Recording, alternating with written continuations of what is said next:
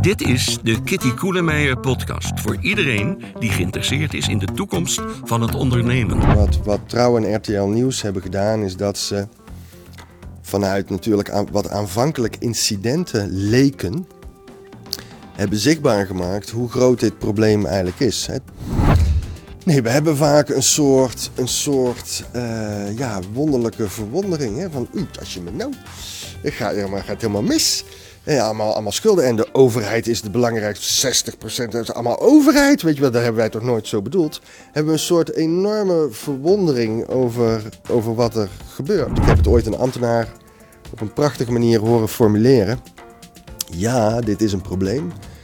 Maar we moeten er alles aan doen om te voorkomen dat het ons probleem wordt.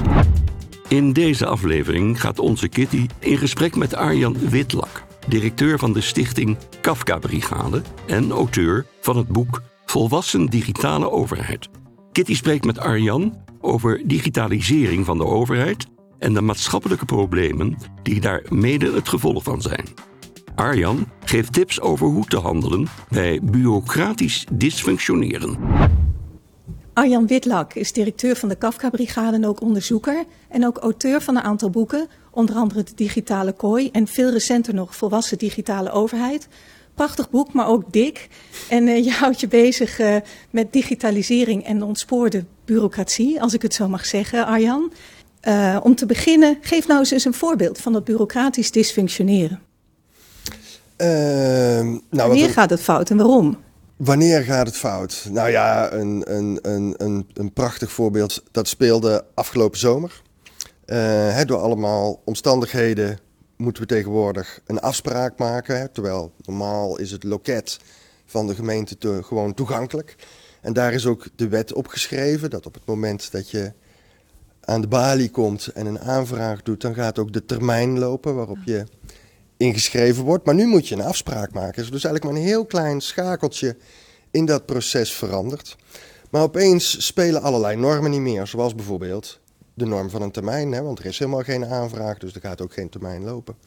En dan opeens zul je merken hoe belangrijk zo'n inschrijving is bij de gemeente. En in dit geval merkte die persoon bijvoorbeeld ook dat hij zijn salaris niet overgemaakt kreeg. Want ja, ga het maar eens proberen zonder inschrijving. Dus er zijn heel veel van die dingen waarbij we ons eigenlijk niet realiseren hoe afhankelijk we daarvan zijn bij allerlei dingen die essentieel zijn in ons leven. Dus voor een bankrekening heb je een inschrijving bij de gemeente. Dus voor een overboeking naar je bank heb je een inschrijving bij de gemeente. Nou ja, je werkgever moet natuurlijk aangifte doen van jouw salaris uh, bij het UWV. En formeel is dat juridisch best mogelijk als je zegt van nou weet je wel, alle kortingen die de Belastingdienst eventueel kan hanteren, die laten we achterwege en je betaalt maximaal belasting, is dat juridisch best mogelijk. Maar omdat dat natuurlijk ook altijd een hoop gedoe geeft, want achteraf willen mensen dat natuurlijk ook gecorrigeerd hebben, zul je zien dat in het boekhoudsysteem van een organisatie die mogelijkheid überhaupt niet wordt geboden. Mm. Mm. En dus kun je geen loonaangifte doen in de, in de keten en dus geen salaris. En uh, de Stichting Kafka Brigade die houdt, zich, die houdt zich hiermee bezig. Wat is nou je echte doel met die stichting? Wat is de rol? Waarom is die stichting er? De stichting is er van oorsprong eigenlijk om um, hele hoop innovaties vanuit probleemoplossing. En niet altijd vanuit leuke nieuwe dingetjes die ook kunnen, maar dingen die ertoe doen in het leven van mensen. Heel vaak hebben we daar niet zo'n heel duidelijke verantwoordelijke voor als dat soort problemen spelen.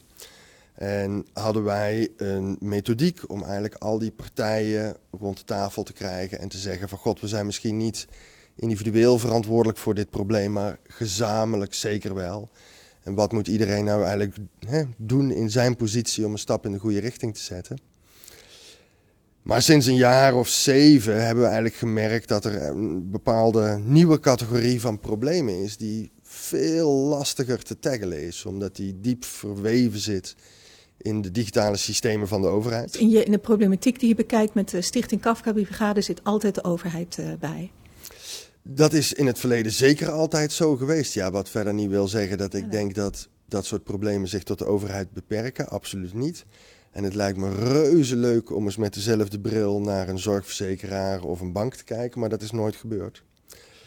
Maar wat nu vooral is wat wij willen met de stichting, is ten eerste laten zien wat het probleem is. Ten tweede ook toegankelijk maken waarom dat probleem er is. Want ik heb steeds meer gemerkt dat er een enorm gebrek aan inzicht is in welke wereld we hebben opgebouwd. Zou ik maar zeggen, onder de motorkap van de overheid.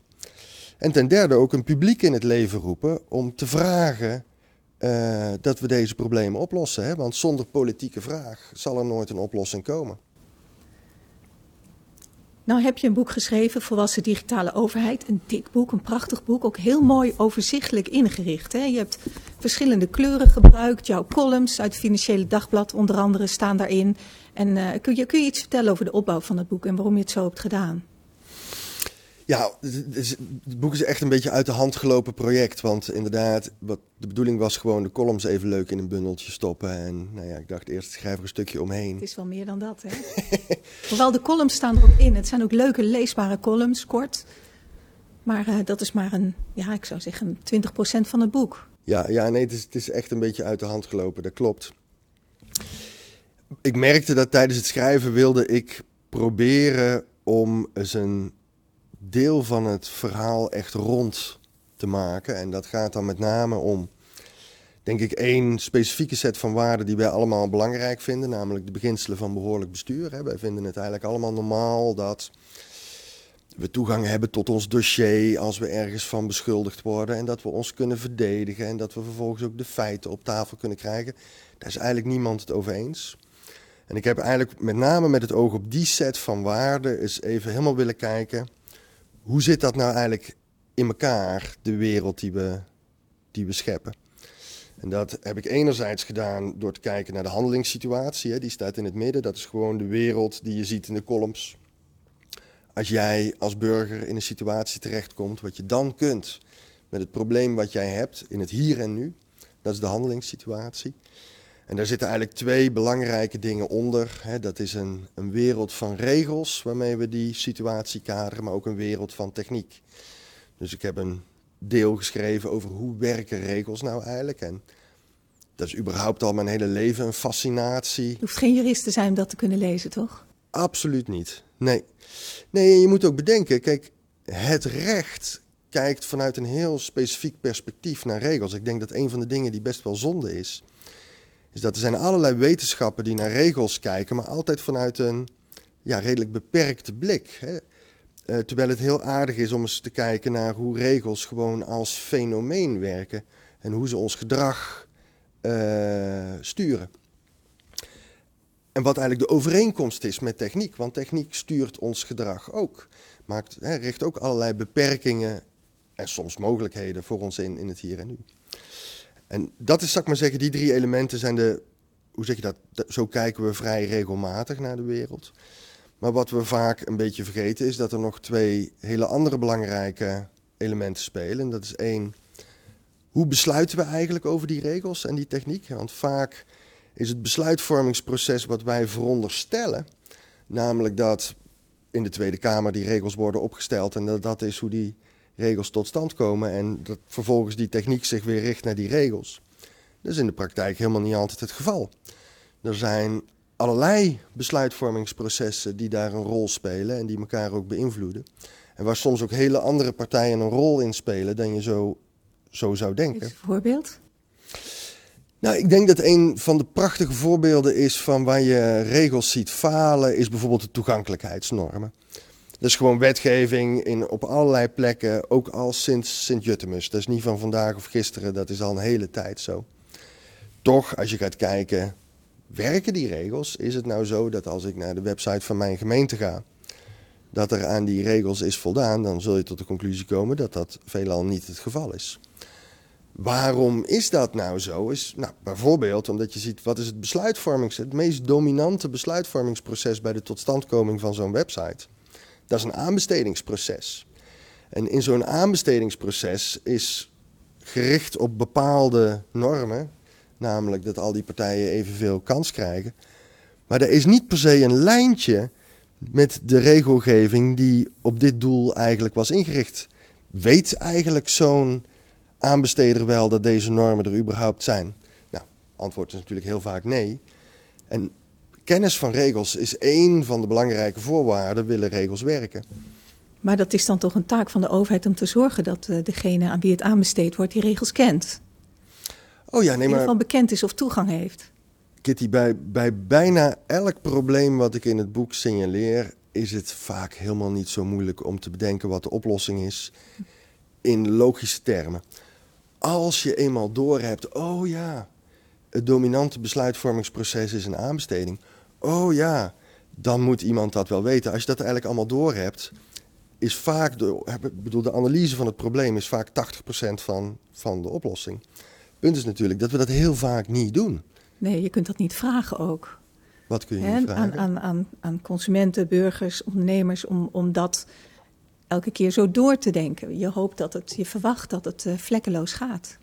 En pas als het fout gaat, dan denk je, hé, hey, en dan krijg je natuurlijk eerst een periode van verwarring. En dan ontbreekt denk ik ook de kennis of de tijd om het helemaal te analyseren. Nou ja, kijk, je, je moet dit ook niet vragen inderdaad aan burgers en ondernemers. Je moet dit vragen aan, aan het ambtelijk apparaat. Wat ja. dit soort processen inricht. En je zou hopen dat op het moment dat wij uh, normen vaststellen waarvan we ook echt hopen dat ze in de werkelijkheid materialiseren, dat we wel degelijk even nadenken over hoe gaat dat uitpakken in de praktijk. Maar dat is inderdaad iets wat, wat vaak problematisch is. En ook voor een deel omdat we, weet je, ik zeg dat nou net zo, maar, en dat klinkt dan heel simpel. Maar ik denk dat het voor heel veel mensen een eye-opener is om je te realiseren oh ja, het dominante besluitvormingsproces bij een website is een aanbesteding. Weet je wel, ik denk dat 9 van de 10 mensen daar niet eens bij stilstaan op het moment dat je toegankelijkheidsnormen opstelt. En geef je in jouw boek wel inzichten daarover. Hè? Dus stel, uh, kun je daarin ook afleiden en zien uh, waar, de, waar, het uh, dominante besluitvormingsproces ligt bij veel problemen? Ja, en ik denk ook dat, je, hoe zeg je dat, waar ik nog veel meer nadruk op leg, is dat heel vaak hebben we besluitvormingsprocessen voor bepaalde problemen. Maar we hebben heel vaak ook geen besluitvormingsproces. Hè. Er zijn allerlei problemen ook in onze samenleving die niet als vanzelf leiden tot iemand die daarna gaat kijken en gaat kijken van nou kan dat beter. En het bijzondere is als je, als je geen besluitvormingsproces hebt, dan kom je eigenlijk als vanzelf in een soort onderhandeling tussen de partijen die op dat moment bestaan en die dus ook belangen hebben bij de situatie zoals die is. En dan wordt het heel lastig om het algemeen belang of het publiek belang, om dat naar voren te brengen. Omdat al die partijen die zich daarmee bemoeien, ja, die hebben natuurlijk voor hun eigen organisaties te maken met de consequenties van de uitkomst van zo'n onderhandeling. Wat, kost dit aan geld? Wat doet dit met mijn positie? En op het moment dat ik dan het belang van een ander, zoals het belang van de burger, naar voren ga brengen, ja, dan in een onderhandeling is dan al heel snel het gevoel van, oh, je hebt al wat gekregen. Dus heel vaak moeten we juist ook nadenken over hoe besluiten wij om de dingen die wij echt allemaal belangrijk vinden ook echt naar voren te brengen. Heb je daar een voorbeeld van, van die onderhandelingssituatie, dat ik me iets concreet bij kan voorstellen? Nou, ik denk dat een van de belangrijkste voorbeelden in het boek daarvan is, is gegevensuitwisseling op het moment, en begrijp me even niet verkeerd, ik ben absoluut geen tegenstander van gegevensuitwisseling, want voor een heel belangrijk deel is dat fantastisch. Hè? Stel, de politie vindt jouw gestolen auto terug, dan, dat weet je misschien niet, maar die politieagent die werkt dan eigenlijk niet alleen maar voor de politie, want die registreert dat in het kentekenregister. Hè? Dat gaat via een systeem bij de politie naar de Rijksdienst voor het Wegverkeer en daardoor kunnen ze bij het bij de RDW ook meteen een oproep APK sturen. En dit gaat ook naar de Belastingdienst, die dan ook meteen een actiegiro ja. stuurt voor de wegenbelasting. Dus die agent wordt veel productiever. Um, en dit is een typisch voorbeeld van iets waar organisaties onderling tot overeenstemming komen om gegevens uit te wisselen. En dat heeft een hele belangrijke positieve ja. uh, component. Ja. Maar het is ook wel iets wat alleen in onderhandeling tot stand komt. Dus eigenlijk allerlei andere zaken, zoals bijvoorbeeld correctie, die worden niet goedkoper. Hè? Want ik geef nu een paar voorbeelden van dingen die efficiënter worden en goedkoper worden. En geld kun je ook nog eens verdelen, dus daar komen we in een onderhandeling echt wel uit. Maar het grappige is dat bijvoorbeeld de kosten van een correctie, als ik dit ga automatiseren op die manier, die worden relatief en absoluut hoger. En dat wordt al veel lastiger om in een onderhandeling. Dat je overal op al die plekken moet corrigeren eigenlijk. Hè? En dat het niet vanzelfsprekend is, dus daar moeten allemaal signalen over uit. En daar gaat het dus wel eens fout. Daar gaat het wel eens fout, inderdaad. Hè? Want vanuit de politiek wordt in feite op een hele smalle manier gestuurd. Bijvoorbeeld alleen maar het moet goedkoper. Oh. En kijken we dus eigenlijk maar naar één waarde, namelijk wat kost het? In jouw boek bespreek je wat je noemt hè, de landkaart van de volwassen digitale overheid. Je hebt net elementen genoemd die daarbij horen. Uh, regelgeving, techniek, handelingssituatie, collectief besluitvorming en beginselen. Nou staat er ook een mooi voorbeeld in jouw boek over een zekere Ton die een tweede BTW-nummer kreeg. Mhm. kun, je, kun, je dat, uh, kun je dat voorbeeld uh, duiden en, en ook zeggen hoe dat met die, met die landkaart samenhangt? Wat er gebeurt bij, uh, bij Tom is dat zijn dochter op een duur naar de een BTW-nummer aanvraagt, omdat zij ook een bedrijfje wil beginnen. En hij heeft al, al jaren zijn eigen bedrijf. Maar wat blijkt, hè, ze hebben dus een foutje gemaakt. Dat BTW, hij heeft een tweede BTW-nummer op zijn bedrijf gekregen en zijn dochter helemaal niks. En hij krijgt dus ook een brief, weet je wel, van hij heeft natuurlijk geen BTW-aangifte gedaan, want hij heeft dat hele nummer nooit aangevraagd. Krijgt hij een brief van, oh, u moet wel op tijd aangifte doen. En hij gaat op een duur bellen en dan krijgt hij ook te horen van, god, u zit nu in de coulance-regeling, maar als u niet snel bent, krijgt u, wel, uh, krijgt u wel een boete. En op een duur gaat hij dus ook op zoek in zijn eigen gezin en in dit geval ontdekt hij inderdaad, god, weet je wel, dochter, BTW-nummer. Zij gaat dat ook vertellen. Maar dan moet hij dat btw-nummer gaan opzeggen. en ook met gezwinde spoed, want als hij dat niet op tijd doet, boete. Terwijl dat is natuurlijk vanuit bezien vanuit de beginselen, is dat natuurlijk gewoon de omgekeerde wereld. Op het moment dat jij een fout maakt, ben jij verantwoordelijk voor het herstel. En is het niet aan jou om maar eens iemand met boetes te dwingen tot een administratieve last om jouw fout te herstellen. Maar door de wijze waarop wij dingen organiseren, hè, wij hebben ontzettend de neiging om een proces te organiseren in principe vanuit één ideaalbeeld, namelijk hoe het gaat als het goed gaat. En dan wel eens vergeten dat we misschien daar eens op een hele andere manier mee om willen gaan op het moment dat we bijvoorbeeld zelf een fout maken. En hier was het dus blijkbaar heel lastig om zonder actie vanuit die burger en zonder briefje vanuit die burger uh, de situatie te herstellen. Is uiteindelijk wel gebeurd hoor. En dat heeft de Belastingdienst uiteindelijk keurig gedaan. Maar er was wel even hulp bij nodig. En dat soort vragen krijg jij als uh, Stichting Kafka Brigade of als individu. Zijn dat nou typische dingen waar mensen voor komen? Of, of is het... Nee, dit is natuurlijk een superklein, een superklein voorbeeld. Uh, wat wel heel mooi illustreert, zal ik maar zeggen. Dat ja. we soms een wereld inrichten die helemaal niet overeenkomt met normen die we eigenlijk allemaal delen. Hè? Want wij vinden dit allemaal onredelijk. En je zegt we richten een wereld in, maar ik denk dat de meeste mensen het gevoel hebben die wereld is ingericht voor mij.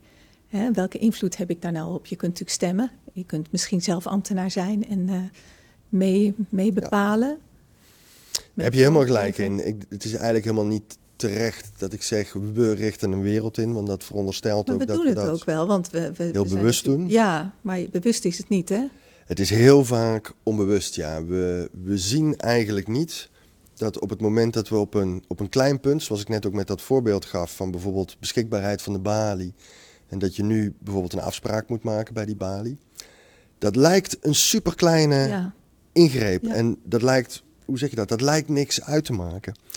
Terwijl als je gaat kijken vanuit de ogen van die burger, waar dus ook al die verschillende overheden samenkomen in hun handelen, dan blijkt die hele kleine ingreep enorme consequenties te hebben. En we kijken ontzettend weinig vanuit de werkelijkheid. Hè, en proberen eens heel even terug te redeneren naar hoe al die organisaties samen uh, een bepaald gevolg creëren. En nou heet dat boek Volwassen Digitale Overheid. Wat is de gedachte erachter? Dat die digitale overheid niet volwassen is? Of dat die juist wel volwassen is? Wat, wat bedoel je daarmee? Oh, ik denk zeker inderdaad dat onze huidige digitale overheid onvolwassen is. Ja, absoluut. Ik denk dat. Ik gebruik in het boek een vergelijking met, met uh, de begroting. Dat hè, lang geleden, in de tijd van de Nederlandse Republiek, maakten wij geen begroting. Hè, en we kunnen het ons nu niet meer voorstellen. Hoezo zou je geen begroting maken? En je kunt je ook voorstellen wat voor consequenties dat heeft als je dat niet doet. Hè? Er lijkt altijd geld te zijn. Weet je wel, want we kijken nu alleen naar dit onderwerp. Je kunt dingen niet afwegen, je kunt dingen niet vergelijken. Maar je gaat op een duur merken dat er wel heel veel geld uitgegeven wordt. En dat is ook waarom wij op een duur begrotingen zijn gaan maken. Omdat op een duur er protesten kwamen van ja, de, de lasten moeten wel gedragen kunnen worden. Wanneer is dat gebeurd? Was daar een specifieke aanleiding toe? Ja, dat was eind uh, eh, 18e eeuw, toen de staten dus echt het gevoel hadden van ja, weet je wel, iedere keer besluit je wat en dan kom je met de pet rond. Maar het heeft 50 jaar geduurd voordat wij elk jaar een begroting gingen maken. En dan pas kun je allerlei normen stellen, zoals bijvoorbeeld een begrotingsevenwicht of afwegingen maken tussen alternatieve uitgaven. Maar dit is een principe dat je overzicht nodig hebt om een afweging te kunnen maken. Dat moeten wij iedere keer opnieuw leren. toen we gingen spreken over de CO2-reductie vanwege de klimaatprobleem, hebben we dit in feite opnieuw moeten leren. Want pas sinds oktober 2019 wordt over het geheel der wetten gekeken. Wat is de bijdrage van elke sector? En daarvoor namen wij wel besluiten, maar hadden wij natuurlijk eigenlijk helemaal geen idee waar we het over hadden. En zo is dat nu bij de digitale overheid ook. Wij maken allerlei besluiten, bijvoorbeeld over gegevensuitwisseling, waarbij we eigenlijk keine binnen, binnen onderdelen van de overheid. Hè? Binnen onderdelen van de overheid. Nou, en soms ook overigens met, met private organisaties. En we hebben eigenlijk geen zicht op de consequenties daarvan. En die consequenties zijn met name op het moment dat we iets moeten corrigeren heel groot, maar ze zijn er bijna altijd. Ja, de toeslagenaffaire is daar natuurlijk een, een voorbeeld van, hoe zoiets compleet uit de hand kan lopen. Ja, wat je vooral, denk ik, waar de toeslagenaffaire een ontzettend goed voorbeeld... Sowieso, weet je, er is bijna niks waarvan je in de toeslagenaffaire geen voorbeeld van kunt vinden. Is wat het probleem is van geen overzicht hebben. Want ik kan me helemaal voorstellen, moet je toch eens voorstellen dat jij Kamerlid bent... en je vraagt op een duur aan het begin van zo'n affaire... Goh, meneer de minister, over hoeveel mensen gaat dit eigenlijk? Dat je eigenlijk gewoon niet kunt begrijpen dat ze niet kunnen zeggen... nou, dat zijn zoveel mensen... Weet je wel, hoe, hoezo, hoezo weet je niet over hoeveel mensen dit gaat? Weet je wel, want je hebt, je hebt toch zelf bij die mensen iets gedaan, dus je weet toch over hoeveel mensen dit gaat. Ehm, terwijl de grap natuurlijk is dat je ontzettend mooi ziet wat hier het probleem is. Dat je registreert iets in een database. En die database die wordt gedeeld met allerlei andere organisaties. En allerlei andere organisaties gaan daar ook naar handelen. Maar als ik natuurlijk niet weet wie die organisaties allemaal zijn en als ik ook niet weet op welke wijze ze daarna handelen, ja, dan wordt het voor mij ontzettend lastig om in kaart te brengen wie heeft hier consequenties van ondervinden, welke consequenties, hoe groot. Omdat ik gewoon het noodzakelijke overzicht niet heb georganiseerd. Wordt dat nu gecorrigeerd? Gaat dat voortaan op een andere manier? Nee. Ik heb überhaupt, vind ik het heel verbazingwekkend dat toeslagenaffaire is sinds september 2018 eh, eh, veelvuldig in het nieuws. Volgens mij is er nog vrijwel helemaal niks neergeslagen in nieuw beleid. Of heb ik iets gemist? Nou, ik denk dat jij dat beter weet dan ik. maar is, staat er dus een, een volgende nieuwe ongeluk uh, op de rol om te gebeuren? Ik bedoel, als je niks verandert, en dan, dan is het natuurlijk een kwestie van tijd voor er weer een probleem, groot probleem opduikt. Met, met ernstige gevolgen voor mensen. Oh ja, maar dit soort problemen zijn, zijn ook gewoon schering en inslag. Alleen, hoe zeg je dat? In de impact minder omvangrijk misschien. Niet nou, voor het individu, maar collectief. Ik denk dat dat nog wel eens meevalt. Kijk, wij hebben, kijk, wat het aardige is van wat, wat Trouw en RTL Nieuws hebben gedaan, is dat ze vanuit natuurlijk aan, wat aanvankelijk incidenten leken, hebben zichtbaar gemaakt hoe groot dit probleem eigenlijk is. Hè? Terwijl meestal zien wij incidenten als incidenten. Al die voorbeelden in de columns, daarvan zullen mensen zeggen... Een beetje, een beetje Ik heb, ik heb zelf vroeger die fout ook wel eens gemaakt hoor. Dat ik inderdaad een situatie tegenkom en dat je ziet hoe, hoe, hoe iemand helemaal in de knoop komt. En dat je denkt, ja nee, maar dit is zo bizar. Dat zullen er wel niet zoveel zijn. Nou, inmiddels heb ik geleerd, het zijn er altijd meer dan je denkt. Nee, ik denk dat een van de belangrijkste dingen die we, die we moeten leren is we moeten die gegevensstromen in kaart brengen. Anders kunnen wij eigenlijk geen, geen afwegingen maken. Ook geen politieke afwegingen, omdat we gewoon niet weten wat de consequenties zijn. soort databegroting. Dat ja, ik heb het maar even om het, om het lekker, hoe zeg je dat, catchy te laten klinken. Laten we het een databegroting noemen, ja. En laten we daar ook gewoon eisen aan stellen. Hè? In de zin van, nou, neem je gegevens af, kun je ook een correctie verwerken. Dat hoort erbij. Waarom gebeurt dat niet? Waarom is dat niet al lang gebeurd? Jij roept het al een hele tijd, je schrijft daar columns over in het Financiële Dagblad. Je zou verwachten dat dat vele, ja, er zijn veel mensen die dat lezen, ook politici, ook ambtenaren. Uh, waarom gebeurt het niet? Nou, ik denk toch wel.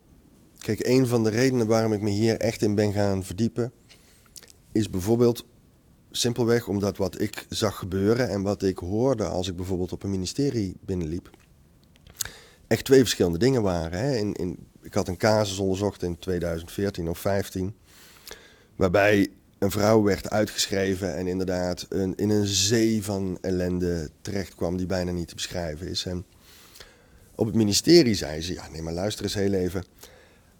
Hè, die, die gegevens bijvoorbeeld van de gemeente, die worden wel op allerlei plekken gebruikt, maar al die organisaties, of dat nou de zorgverzekeraar is of de gemeente bij een parkeervergunning, die nemen hun eigen beslissing in hun juridische domein. Um, en die gegevens zijn alleen maar een soort tool die ze de mogelijkheid biedt om een beter besluit te nemen. dat is hoe er naar gekeken werd. Terwijl wat ik zag gebeuren in de praktijk, je verandert hier een gegeven en vol automatisch gaat er een enorme zee van organisaties naar handelen. En ik heb er heel lang over gedaan om eigenlijk echt goed te begrijpen hoe werkt dat nu precies. En ik denk toch wel dat een van de belangrijke redenen waarom dit niet gebeurt, is omdat de inzicht in hoe dit precies functioneert en hoe automatische besluitvorming en data-analyse en gegevensuitwisseling samenhangt en in combinatie tot bepaalde gevolgen leidt. Ja, nee, ik denk dat, dat het nog echt maar beperkt is doorgedrongen hoe dat in elkaar zit. Ook binnen de overheid? Ook binnen de overheid, absoluut. Waar is het het meest doorgedrongen, denk je? Waar is het het meest Want doorgedrongen? Je zou ergens moeten beginnen, hè? Oh ja, je moet ergens beginnen, maar je moet je ook realiseren. Er zijn organisaties waar dit, denk ik, zou moeten beginnen. Uh, bijvoorbeeld bij het ministerie van Binnenlandse Zaken, omdat die systeemverantwoordelijk is, zoals dat dan zo hm. mooi, uh, zo mooi heet. Maar er is een relatief kleine groep van ambtenaren voor beschikbaar, met ook relatief weinig kennis van hoe het echt gebeurt in een uitvoeringsorganisaties. Dus er zal ook gewoon capaciteit moeten worden ontwikkeld. En er zal ook iets moeten komen, denk ik, ook aan wetgeving waarmee je dit besluitvormingsproces beter in beeld brengt. Als wij een snelweg, hè, ik zit hier uit te kijken op een snelweg. Als wij een snelweg aanleggen, vinden we het volstrekt vanzelfsprekend dat dat consequenties gaat hebben voor van alles en nog wat. Voor de omwonenden, voor de stikstofneerslag, maar ook ten positieve voor de mobiliteit. En dat brengen wij dus ook helemaal in kaart. Wij gaan helemaal kijken waar zit dat, dan maken we afwegingen de natuur, in. Ja. Weet je wel, halen we hier een beetje natuur weg, moet daar een beetje natuur bij. Allemaal van die dingen, omdat we dat ook redelijk vinden. Hè? Want we tasten het belang van de een aan. Nou, dat moet gecompenseerd worden. Maar daar hebben we ook wetgeving voor. Het is niet zo dat een ambtenaar dat, als hij dat vergeet, dat het niet gebeurt. En als hij eraan denkt dat het wel gebeurt. Nee, we hebben dat besluitvormingsproces, dat hebben we georganiseerd. Zodat we zeker weten dat allerlei dingen die wij belangrijk vinden bij het aanleggen van een snelweg, dat daar aan gedacht wordt. Nou, het lijkt me echt eens een goed idee om dat te doen als we een nieuwe digitale snelweg aanleggen. Is dat het punt of zijn er nog meer dingen? Oh ja, er zijn honderden dingen, maar ik denk wel, kijk, waarom treed je in den brede naar buiten? Hè? Want als Kafka-brigade proberen we juist heel vaak problemen op te lossen. Hoe zeg je dat? Buiten de publiciteit. Ik denk wel dat dit het punt is waar we de politiek nodig hebben.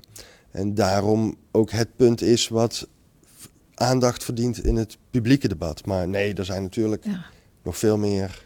Je zegt onder andere, digitalisering is ook een verdelingsvraagstuk. Wat bedoel je daarmee? Ja, omdat we vaak op een ongelooflijk simplistische wijze naar digitalisering kijken dan hebben we het over moeten de kansen nemen en de, en, en de gevaren omzeilen of dat soort uitspraken. Kijk, op het moment dat wij een wet aannemen, bijvoorbeeld een belastingwet, en in die wet staat, uh, nou we gaan arbeid belasten en kapitaal niet. iedereen snapt dat op dat moment verdelen we belangen. het belang van de een wordt meer gediend dan het belang van de ander. En daar maken we een politieke keuze in op het moment dat wij zo'n wet aannemen. Dus evident, het maken van een wet is een belangenafweging. En we hebben het idee dat we dat niet doen op het moment dat wij technologie inrichten of technologie gebruiken. Terwijl technologie is vaak nog veel dwingender in wat wij wel en niet kunnen in de praktijk dan wetgeving. Want wetgeving kunnen we heel vaak besluiten. Misschien word ik wel gepakt en bestraft, maar we kunnen vaak een wet overtreden. Terwijl technologie dwingt ons bijvoorbeeld, nou, uh, schuldenproblematiek is een, denk ik een typisch voorbeeld waarbij je ziet dat digitalisering tot een andere verdeling van uitkomsten leidt. Want omdat ik mensen goed en goedkoop kan registreren um, en dus ook goed kan volgen, kan ik heel makkelijk, dat heet dan met een technische term, stuiten. dus als een schuld dreigt te verlopen, nog even een briefje sturen, waardoor die schuld weer geactiveerd wordt, kan ik mensen eindeloos achtervolgen.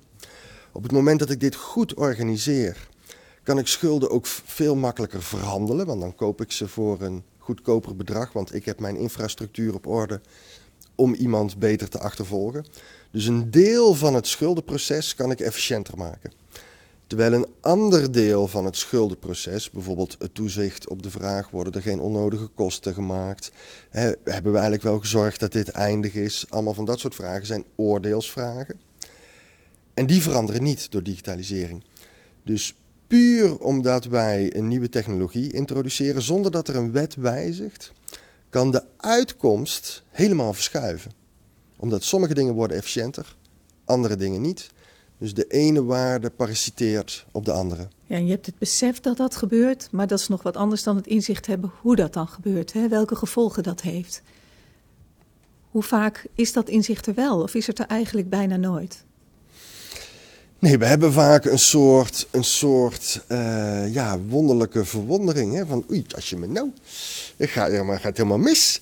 Ja, allemaal, allemaal schulden. En de overheid is de belangrijkste, 60% dat is allemaal overheid. Weet je wel, daar hebben wij toch nooit zo bedoeld. Hebben we een soort enorme verwondering over, over wat er gebeurt. Um, maar het leidt heel zelden tot echt goed onderzoek van wat gebeurt hier nu in het systeem als geheel. En dat komt ook omdat, hoe zeg je dat? In Nederland zijn er altijd heel veel mensen verantwoordelijk. Zeker op het moment dat we wat algemenere thema's hebben, zoals schuldenproblematiek, is het vaak heel moeilijk om het gezag te mobiliseren om daar iets aan te doen. Omdat er zoveel partijen bij betrokken zijn. Dus mensen zijn vaak heel afkerig om goed het probleem in kaart te brengen, omdat je daarmee eigenlijk ook een soort verantwoordelijkheid op je neemt die je misschien niet wilt. Ik heb het ooit een ambtenaar op een prachtige manier horen formuleren. Ja, dit is een probleem, maar we moeten er alles aan doen om te voorkomen dat het ons probleem wordt. En dat is natuurlijk soms wel de reactie, omdat je ook vrees kunt hebben voor het leiderschap van wat, wat van je gevraagd wordt om vervolgens zo'n probleem te adresseren. Maar is dat dan de vrees van een individu eigenlijk, hè? van een persoon? Of van een afdeling? Of een... Ja, soms wel. Maar het is ook, het is ook, we vragen ook soms wel veel van mensen. Hè? Omdat, kijk, mensen hebben vaak een, een, een bevoegdheid en een vermogen om te sturen binnen hun organisatie. Terwijl wij hebben nu eigenlijk op allerlei organisaties aan de onderkant verbonden. Hè? Aan de uitvoeringskant, via gegevens hebben we daar eigenlijk steeds meer een geheel van gemaakt. En daar zitten allemaal individuele managers boven, die wel voor een stukje daar iets over te zeggen hebben, maar niet over dat geheel. En je vraagt dus echt leiderschap van ze om eigenlijk al hun collega's te verleiden om samen een stap in de goede richting te zetten. We vragen soms ook veel van mensen, want je, dat vraagt veel van je persoonlijkheid, van je, van je moed en je durf. Maar het vraagt ook kennis en hoe zeg je dat? Ook het vermogen om die mensen allemaal te overtuigen. Zonder politieke leiding is dat, vraag je veel van mensen. Nou gaat deze podcast uh, heel veel over business. Het is een beetje een centraal thema. Maar overheids, overheidsorganisaties hebben ook een businessmodel. Een aantal. Hè? Wat, wat betekent dat? Wat zijn de gevolgen daarvan? Ja, dat is, ja, zeker. Kijk, we hebben een soort norm, een soort ongeschreven norm in het leven geroepen. En is overigens in bepaalde gevallen ook geschreven dat als wij bepaalde dingen uitgevoerd willen hebben, dat de kosten daarvan gewoon uh, worden gedekt door de organisatie die het uitvoert. Hè? Dus als jij bijvoorbeeld je, je ziektekostenverzekering niet betaalt, dan zul je merken dat die schuld overgaat van de ziektekostenverzekering op het CAK. En die gaat dan de schuld innen. En dat kost natuurlijk geld, weet je wel. Want ja, dat is een organisatie, werken mm. mensen, die gaan allemaal dingen doen. Dus nou ja, dan zul je merken dat je, uh, je schuld hebt, moet je nog 30% meer betalen. Want we hebben een bepaalde regeling ingesteld met als norm dat de kosten gedragen moeten worden van de uitvoering. Dat zul je ook merken bij keuring voor uh, als je 75 plus bent, bijvoorbeeld zometeen voor je, voor je rijbewijs. Hè? Dat duurt nog eventjes. Dat, dat duurt nog heel lang, volgens mij. Heel je zei zo meteen. Ja. Oh, mijn excuses. maar de tijd gaat vaak zo snel. maar die kosten uh, moeten gedekt worden uit de uitvoering. En het stomme is, wij doen dit allemaal van dit soort dingen natuurlijk niet voor die aanvraag of voor die keuring. We proberen er uiteindelijk iets heel anders mee te bereiken, namelijk verkeersveiligheid bijvoorbeeld, als het gaat over die keuring. Um, en wij doen dit bijvoorbeeld ook bij gegevensuitwisseling. Hè. We leveren gegevens en die kosten moeten worden betaald. Terwijl je je echt moet afvragen, wat probeer ik eigenlijk te bereiken? Als we bijvoorbeeld gegevens gaan uitwisselen, dan wil ik bijvoorbeeld niet gaan belasten dat iedere keer als iemand die gegevens opvraagt, dat hij moet betalen. Mhm. Want als ik dat doe, introduceer ik een perverse prikkel. Namelijk, dan gaat hij dus niet de meest actuele gegevens ophalen, maar dan gaat hij liever verouderde gegevens gebruiken. Want ja, als ik iedere keer ga kijken, is er een, ja, dan kost het geld. Ja. Dus wat ik eigenlijk wil is gegevenskwaliteit verhogen. Terwijl als ik dat op die manier ga financieren, introduceer ik een perverse financiële prikkel. Terwijl als het gaat over eenmalige opvragen, bijvoorbeeld van, noem eens wat, een deurwaarder, dan kan ik dat bijvoorbeeld wel op die manier financieren, want nou ja, daarna moet hij die gegevens toch ja. vernietigen. Dus we moeten veel meer nadenken vanuit het doel waarom we die organisatie eigenlijk hadden opgericht. En of het het doel dient dat, dat ik dit ga beprijzen hè, waar, waarvoor die organisatie er überhaupt is. Het is natuurlijk ook moeilijk om te beprijzen, want er is geen markt, geen echte markt. Zeker niet. Dus dan krijg je een kostenmodel. Dan ga je de kosten beprijzen, maar je hebt ook geen incentive om heel efficiënt te zijn. Want concurrentie doet dat, hè? dat maakt bedrijven efficiënt als het goed is. En dat heb je hier ook niet. Nou, vergis je niet. Hè? Het, het, is natuurlijk, er is een enorme efficiëntieslag gemaakt in de Nederlandse overheid in de afgelopen 50 jaar. Hè? Want wat dat betreft moeten we ook ik lever heel veel kritiek op het systeem. Zeker de goede kanten niet uit het oog verliezen. En dit is zo'n goede kant? Ik denk dat de Nederlandse overheid waanzinnig veel efficiënter uh, is geworden. Uh, automatische besluitvorming heeft natuurlijk de, de, de, kosten per besluit enorm ja, dat is omlaag gebracht. De verdiensten van de digitalisering. Dat zijn echt de verdiensten van de digitalisering. Is het per, uh, per saldo efficiënt genoeg? Omdat die druk vanuit de markt ontbreekt? Of zeg je, daar zit helemaal geen probleem? Dat is, dat is best. Ja, een, ik denk dat het, hè, de stelling dat er geen. Het is, klopt dat er geen concurrentie is binnen de overheid, maar de stelling dat het leidt tot inefficiëntie is denk ik zeker niet waar. Dat is heel grappig. Dat je ziet dat de politieke druk op kostenvermindering in die zin heel goed werkt. Uh, en dat er enorme efficiëntieslagen worden gemaakt in de overheid.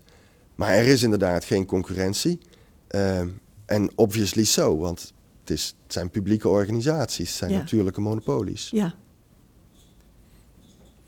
Nee, we moeten denk ik veel meer de vraag stellen: wat zijn de andere waarden? Kijk, waarom functioneert een markt? Een markt functioneert natuurlijk hè, in de zin van dat allerlei actoren redelijk autonoom kunnen handelen en bijvoorbeeld ook met elkaar in concurrentie kunnen gaan, omdat er een speelveld is omdat er een kader is en omdat we allerlei normen hebben gesteld rond de uitkomsten. Zoals bijvoorbeeld eh, producten moeten gecertificeerd zijn om de consument te beschermen. Eh, daarmee voorkomen we ook dat er bijvoorbeeld geconcurreerd wordt op waarden waar we echt willen voorkomen dat erop geconcurreerd wordt. Zoals de veiligheid van, van verfstoffen in een kindersurprise. dus we scheppen een kader waarbinnen mensen autonoom kunnen handelen. En dat doen we denk ik binnen de overheid veel te weinig. En dat moet geen marktkader zijn. Maar wij willen wel eigenlijk dat heel veel van die overheden behoorlijk autonoom kunnen handelen als ze proberen hun processen te verbeteren, de efficiëntie te verhogen, de dienstverlening te verbeteren. Alleen doordat, we een, doordat er belangrijke kaders ons breken, zoals bijvoorbeeld overzicht op gegevensstromen en weten welke besluiten ze überhaupt nemen op basis van gegevens van een ander, creëren we een situatie waarin er inbreuk wordt gemaakt op hele andere waarden dan financiële waarden. Namelijk de rechtszekerheid bijvoorbeeld als je een huis koopt. Of hè, allemaal van die dingen waarvoor wij organisaties, zoals in dit geval een kadaster, oprichten. Vind je het nou een goede zaak of geen goede zaak dat overheidsorganisaties zo ja, zakelijk beprijzen bijna? Nee, ik denk dat het een totale misvatting is van wat een overheid is en wat de rol van de overheid is. Op het moment dat je gaat denken in businessmodellen, kijk je met een ontzettend smalle blik naar de wereld alsof, uh, alsof het een bedrijf is. Terwijl het is juist geen bedrijf. Het is de organisatie die de kaders mogelijk maakt. We hebben het gehad over die, die zware plek in het systeem. Hè? Je, je, spreekt over fouten maken, verantwoordelijkheid nemen om het probleem op te lossen. Hè? Dat, dat moet liggen bij degene die de, hè, of de, de instantie die, die de fouten maakt. Is het huidige systeem te complex? Kunnen we wel verder met het huidige systeem? Hè? Waar, waar zit het er nou echt in? En heb je een oplossing? Is die er wel? Oh ja, nee, ik, ik denk dat er eigenlijk geen probleem in dit boek staat waar wat niet op te lossen is. Staan alle problemen in het boek? Of staan er nog eh, problemen die je bewust niet in het boek hebt gezet, omdat ze te lastig zijn, bijvoorbeeld? Ja, heb ik dat? Nee, dat eh, weet ik niet. Uh, jij weet dat beter. Nee, ik geloof niet dat ik oh. dingen er echt bewust, bewust uit heb gelaten. Wel bepaalde oplossingen misschien, omdat ze een beetje complex zijn om uit te leggen. Maar het boek geeft een representatief beeld van de problemen. En jij zegt, eigenlijk zijn al die problemen wel op te lossen binnen het huidige systeem.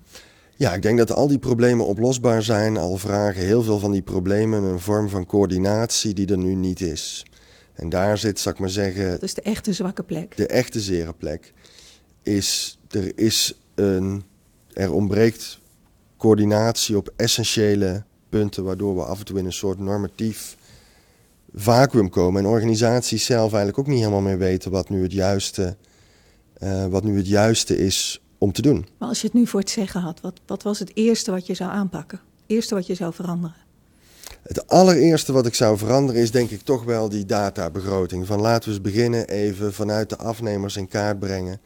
Welke gegevensstromen hebben we en wie handelt er naar welk gegeven? Maar er zijn heel veel andere oplossingen die, hoe zeg je dat, ook een incentive kunnen zijn. Hè, want dit zijn dingen die vooral over de systeemverantwoordelijke gaan als het gaat om die gegevensstromen. Maar er zijn heel veel andere oplossingen die, hoe zeg je dat, veel meer een prikkel kunnen zijn voor veel meer spelers uh, binnen de overheid. Zoals bijvoorbeeld uh, stel een recht van, van centrale correctie in. Dat als ik een probleem heb met een overheid, met één overheid. En wat blijkt, dat ene probleem heeft gezorgd voor problemen bij wel tien overheden. Dat ik het recht heb dat als ik het op die ene plek herstel, dat de verantwoordelijkheid wordt genomen om het bij al die afnemers ook te herstellen. Maar daar heb je inderdaad die databegroting voor nodig om dat te doen. Ja, ja, en daar heb je. overzicht op zijn minst. Daar heb je in ieder geval het overzicht voor nodig van die ene speler. Ja. Wie er eigenlijk allemaal handelt naar zijn gegevens.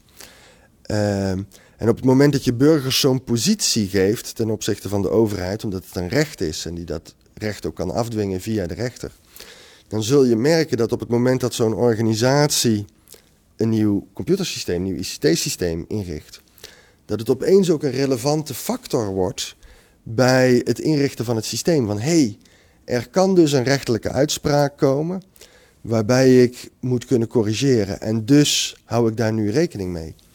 dus je kunt ook prikkels in het systeem brengen waardoor het besluitvormingsproces verandert en mensen bij dit soort dingen stilstaan die overheid die is gedigitaliseerd, al voor een groot deel. Zet dat zich nog voort? Komt daar nog meer bij? Want je hebt het over een overheid die onvolwassen is, als je het hebt over digitalisering. En dan, dan als dat zich voortzet, dan, ja, dan wordt het niet beter.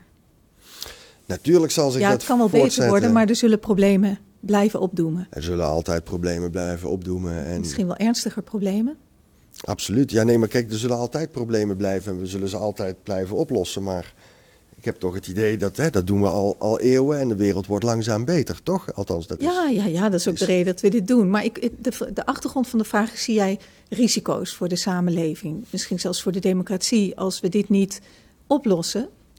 In, in een ja, nee, we hebben denk ik hele serieuze problemen. Kijk, aan de ene kant, hè, je vroeg net naar complexiteit. Een van de redenen waarom ik dit, wat ik heb willen doen in dit boek, is zoveel overzicht bieden dat we het gesprek op een andere manier kunnen aangaan. Omdat we een vocabulaire hebben waaraan we kunnen refereren. dus we weten, dit is automatische besluitvorming. Dit is data-analyse. Dit is um, gegevensuitwisseling. Vervolgens zie je dat inderdaad op een aantal punten specifieke problemen samenhangen met die ontwikkelingen. Bijvoorbeeld als het gaat over automatische besluitvorming, waar, waar leidt dat toe? Dat leidt ertoe dat eerst was er een ambtenaar die nam een besluit en die maakte de belangenafweging bij het nemen van het besluit. Nou, dat kan nu niet meer, want er is een computer die dit besluit. Dus waar gaat de belangenafweging heen? Nou, naar de achterkant van dat proces bij bezwaar. Want bij bezwaar wordt, is de eerste keer dat eigenlijk naar bijzondere belangen van die burger gekeken kan worden. Want ja, dat kan die computer niet weten. Of juist naar de voorkant.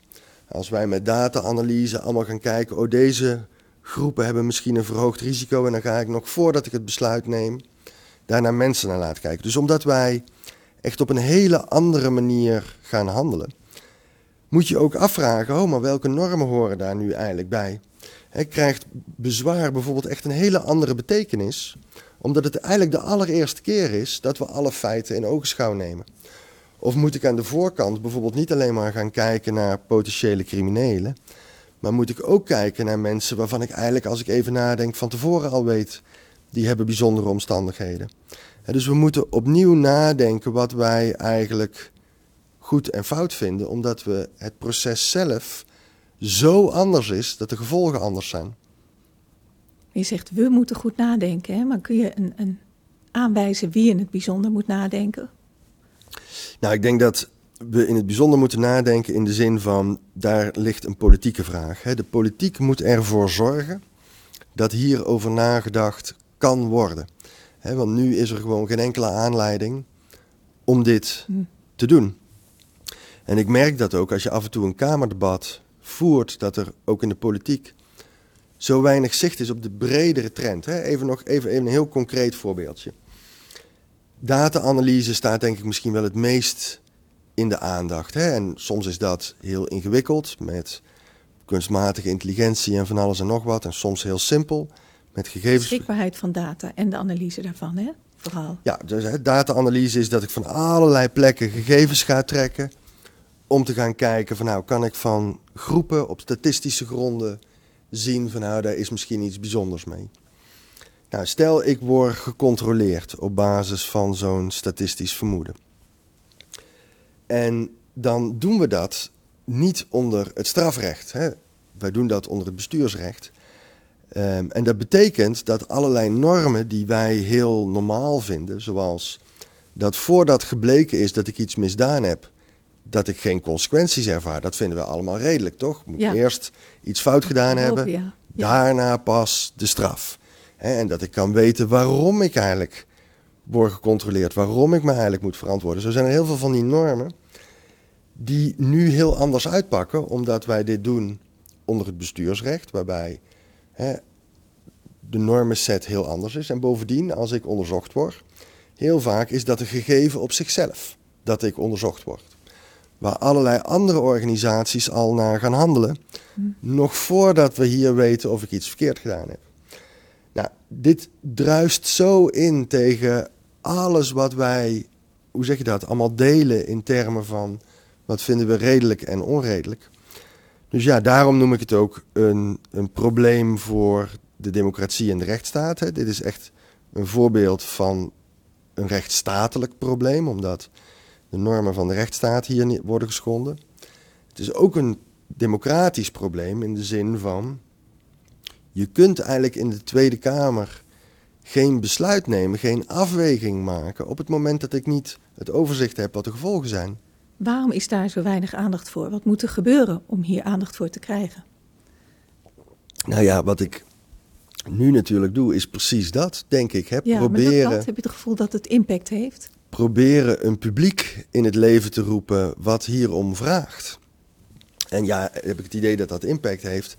Ja, meer dan ik had durven dromen eigenlijk. Ik moet echt zeggen dat me dat wel verbaasd heeft. Dat, kijk, de digitale kooi, dat, mijn, mijn vorige boekje, was echt een boek wat geschreven was uit frustratie. Maar dat is een veel dunner, kleiner boek hè, dan uh, volwassen Ja, het is een veel dunner, dus kleiner boek. Is de frustratie nou groter? of heb je er gewoon meer over nagedacht? Nee, kijk, ik schreef dit echt uit frustratie. Vanuit, omdat ik merkte dat ik het onderwerp gewoon niet voor het voetlicht uh, gebracht kreeg. En dit kwam uit in februari 2018. En als ik nu kijk wat er in de afgelopen drie jaar eigenlijk veranderd is in de perceptie van dit onderwerp, en daar heeft de toeslagenaffaire natuurlijk in een hele hoge mate aan bijgedragen. Ja. Ja. Omdat tot die tijd zag je ook in de media, iedereen deed alsof het een incident is en we wilden eigenlijk niet kijken naar die infrastructurele structuur die daaronder ligt, om dat op te lossen. En nu merk je echt dat ook Kamerleden er gewoon alert op worden van hé, hey, hier speelt een dieper vraagstuk. En wij zullen de, de, de, de tijd en de ruimte moeten nemen om hierover na te denken. Arjan, wat drijft jou persoonlijk om je leven te wijden aan deze problematiek? Hè? Om, om, de, om je zo hierin te verdiepen en deze boodschap ook te brengen? Hmm. Wat, wat is jouw persoonlijke motief om dat te doen? Mijn persoonlijke motief is, is eigenlijk toch gewoon begrijpen. Hier, hoe zeg je dat? Ik deed zo'n error in mijn hoofd. Toen ik zag hoe hierover gepraat werd op ministeries versus wat ik in de werkelijkheid zag gebeuren. Hoe is dat begonnen? Wat maakte je iets mee waardoor dat gebeurde of was je ergens? Ja, dat is wat ik net inderdaad vertelde. Hè. Bijvoorbeeld bij die eerste casus dat iemand uitgeschreven werd bij een gemeente en dat inderdaad werd gezegd van ja nee maar luister iedereen neemt zijn eigen beslissingen. Daar heeft helemaal geen automatische doorwerking. Toen merkte ik gewoon maar dat is gewoon niet wat ik zie gebeuren. En hè, aanvankelijk word je onzeker. Als iedereen tegen je zegt dat de wereld anders in elkaar zit dan jij denkt dan word je in eerste instantie onzeker. En langzaam ga je op zoek naar handvatten van ja weet je hebben zij nou gelijk en kan ik het begrijpen? Of zit het misschien toch anders dan zij denken. En ben ik misschien in staat om mensen daarvan te overtuigen. En dit was eigenlijk mijn eerste poging om te laten zien van nou, op zijn minst in sommige gevallen is het anders. En dit is in feite de verdieping. Het nieuwste boek, ja. Kijk, hier heb ik echt gekeken naar in de digitale kooi vanuit individuele casus alleen. Om aan de hand van voorbeelden te laten zien, nou het is in ieder geval niet altijd waar. Terwijl in volwassen digitale overheid heb ik inderdaad ook honderd van dat soort voorbeelden staan. Maar heb ik ook gewoon in kaart gebracht op een meer, hoe zeg je dat, onderzoekswijze. Van hoe werken die organisaties nou? Waar komen die gegevens vandaan? Waar gaan ze heen? Waarom? Hoe zitten die afspraken in elkaar? Hoe zit de wet in elkaar? Maar is het, is het nou, heb je het nou afgerond of blijf je? Ik bedoel, je, je, het is bijna levenswerk toch, dit wat je doet? Oh, nou ja, dit was gewoon een interessante exercitie in de afgelopen vier jaar. Nee, ja, god, ik ben gewoon gedreven door dit te begrijpen. En nee, dit is absoluut, hoe zeg je dat? Dit is absoluut nog niet ten einde in de zin van, ik denk, dit speelt, deze vragen spelen in de hele wereld. En iedereen worstelt hier nu mee met hoe je een een, gezonde, een gezond ecosysteem van overheidsorganisaties kunt inrichten. Wat aan de ene kant gebruik maakt van al die dingen die wij graag willen, zoals gegevensuitwisseling, daar waar het, hoe zeg je dat, de wereld makkelijker maakt en efficiënter maakt. Maar tegelijkertijd ook voorkomen dat we af en toe mensen opslaan in digitale kooien waar ze niet meer uitkomen. Deze vraag speelt niet alleen in Nederland, dit speelt over de hele wereld en het is er is ontzettend weinig wetenschappelijk onderzoek nog over gedaan. Dus ik denk dat hier nog een wereld ook te ontdekken valt. Werk je ook samen met organisaties in andere landen op dit thema? Nou, niet echt met organisaties, maar wel met mensen. Met mensen. Uh, mijn oud-collega bij de Kafka-brigade in Nederland zit nu bijvoorbeeld in, uh, in Mexico. Nou, een van de, van de fantastische dingen van dat ik af en toe hoor hoe de dingen in Mexico werken van Rick, is ook dat het je ogen opent voor de culturele bias. Er spelen hele andere problemen in Mexico in de zin van hele stukken van het land zijn natuurlijk gewoon niet toegankelijk. Hm. Zelfs voor de overheid zelf, omdat het drugsgeweld daar natuurlijk dermate dominant is. Hoe zeg je dat? Dat je niet eens een gesprek hoeft te beginnen over hm. vertrouwen in de overheid. Want welke overheid? Maar als we even iets meer kijken in de regio rond Mexico-stad. Ja, natuurlijk spelen daar deels dezelfde problemen, zeker de klassieke problemen, maar deels natuurlijk ook niet. Want ze hebben geen basisregistraties, om maar eens wat te noemen. Uh, de aanpak van de afgelopen tijd met infectieziekten die wij hier hebben gezien, ik ontwijk het woord maar even, uh, is veel lastiger in Mexico door gebrek aan, aan data. Ja. Nou, dan heb je twee mooie extremen, denk ik wel. En, uh, maar nog veel werk te doen, hoor ik ook. En dan wil ik je tot slot nog een, een vraag stellen. Je bent zelf natuurlijk ook ondernemer, hè? Als je als ondernemer, het BTW-voorbeeld was een klein voorbeeld, als je te maken krijgt met, met een probleem wat, wat in jouw boek thuis hoort, wat moet je dan doen? Heb je tips om misschien wel te voorkomen dat je erin verzeild raakt, als dat al kan? En als je in, in zo'n zo'n Kafkaeske situatie komt, wat doe je dan? Wat moet je dan doen? Wat is een, heb je daar een, een, ja, een script voor? Moet je jullie bellen? Moet je, wat, wat zijn de dingen die je moet doen? Nee, bel ons uh, vooral niet. Uh, Mailen. Doe dat echt pas als je, als je, als je echt overal teleurgesteld uh, bent, ook bij de ombudsman bijvoorbeeld. Nee, ik denk dat wat je in ieder geval nooit moet doen is negeren. He, wat mensen nog wel eens de neiging hebben om te denken van... oh, dat zal dan nog niet doorgekomen zijn, maar dat zullen ze volgende week wel corrigeren. Of dat komt wel goed, of... Negeer het niet. Dat is misschien wel de allerbelangrijkste tip. En, en in het positieve betekent dat onmiddellijk actie nemen? Ja. En, of alert zijn, of wat, wat bedoel je? Ja, je moet alert zijn inderdaad. Kijk, op het moment dat jij communicatie krijgt van de overheid en het klopt niet met de feiten, zul je wel uh, actie moeten ondernemen inderdaad. Hè? Omdat we toch heel vaak met een piepsysteem werken. Op het moment dat jij niks laat horen, dan zal het wel kloppen. Uh, dus zoek contact. En laat op zijn minst weten uh, dat er iets aan de hand is. En dat is hè, dat vertrouwen wat wij soms ook wel eens hebben. Alsof de overheid een soort moeder is die altijd over haar hart strijkt en zorgt dat het goed komt. Dat is natuurlijk helemaal niet altijd het geval. Laat van je horen. En zorg als het nodig is ook dat je tijdig bezwaar maakt of een klacht indient. En daar begint het mee. Daar begint het mee. He, maak in ieder geval gebruik van de bestaande structuren van feedback. dus klachten, bezwaar, maar ook bijvoorbeeld de ombudsman. Ehm, zorg dat je van je laat horen en dat je het niet laat gebeuren. En besef dat de dingen niet zo vanzelfsprekend zijn als ze lijken. Ja. En misschien ook uh, gebruik maken van de landkaart op jullie website. Dat helpt misschien? Of is dat te nou? Nou, die, is niet, die is niet bedoeld voor de individuele burger of voor ondernemer. Die Hebben is, jullie tools? Ja, we hebben methodieken zoals uh, de Kafka-methode, waarmee we vooral proberen publieke managers die verandering willen brengen vanuit het oplossen van een probleem. Hoe je daar stappen in kunt nemen en hoe je zo'n innovatieproces niet alleen vanuit leuke dingetjes, maar vanuit reële problemen uh, kunt starten. Er staan allerlei hulpmiddelen in, ook gewoon, hoe zeg je dat? Voor het overbruggen van toch wel vaak de grote spraakverwarring die er is tussen beleid en uitvoering. Hè, van, eens heel even kijken hoe zit dit systeem als geheel in elkaar. Dus ja, er zijn heel veel van die hulpmiddelen om überhaupt eens een, het gesprek kwalitatief wat omhoog te helpen.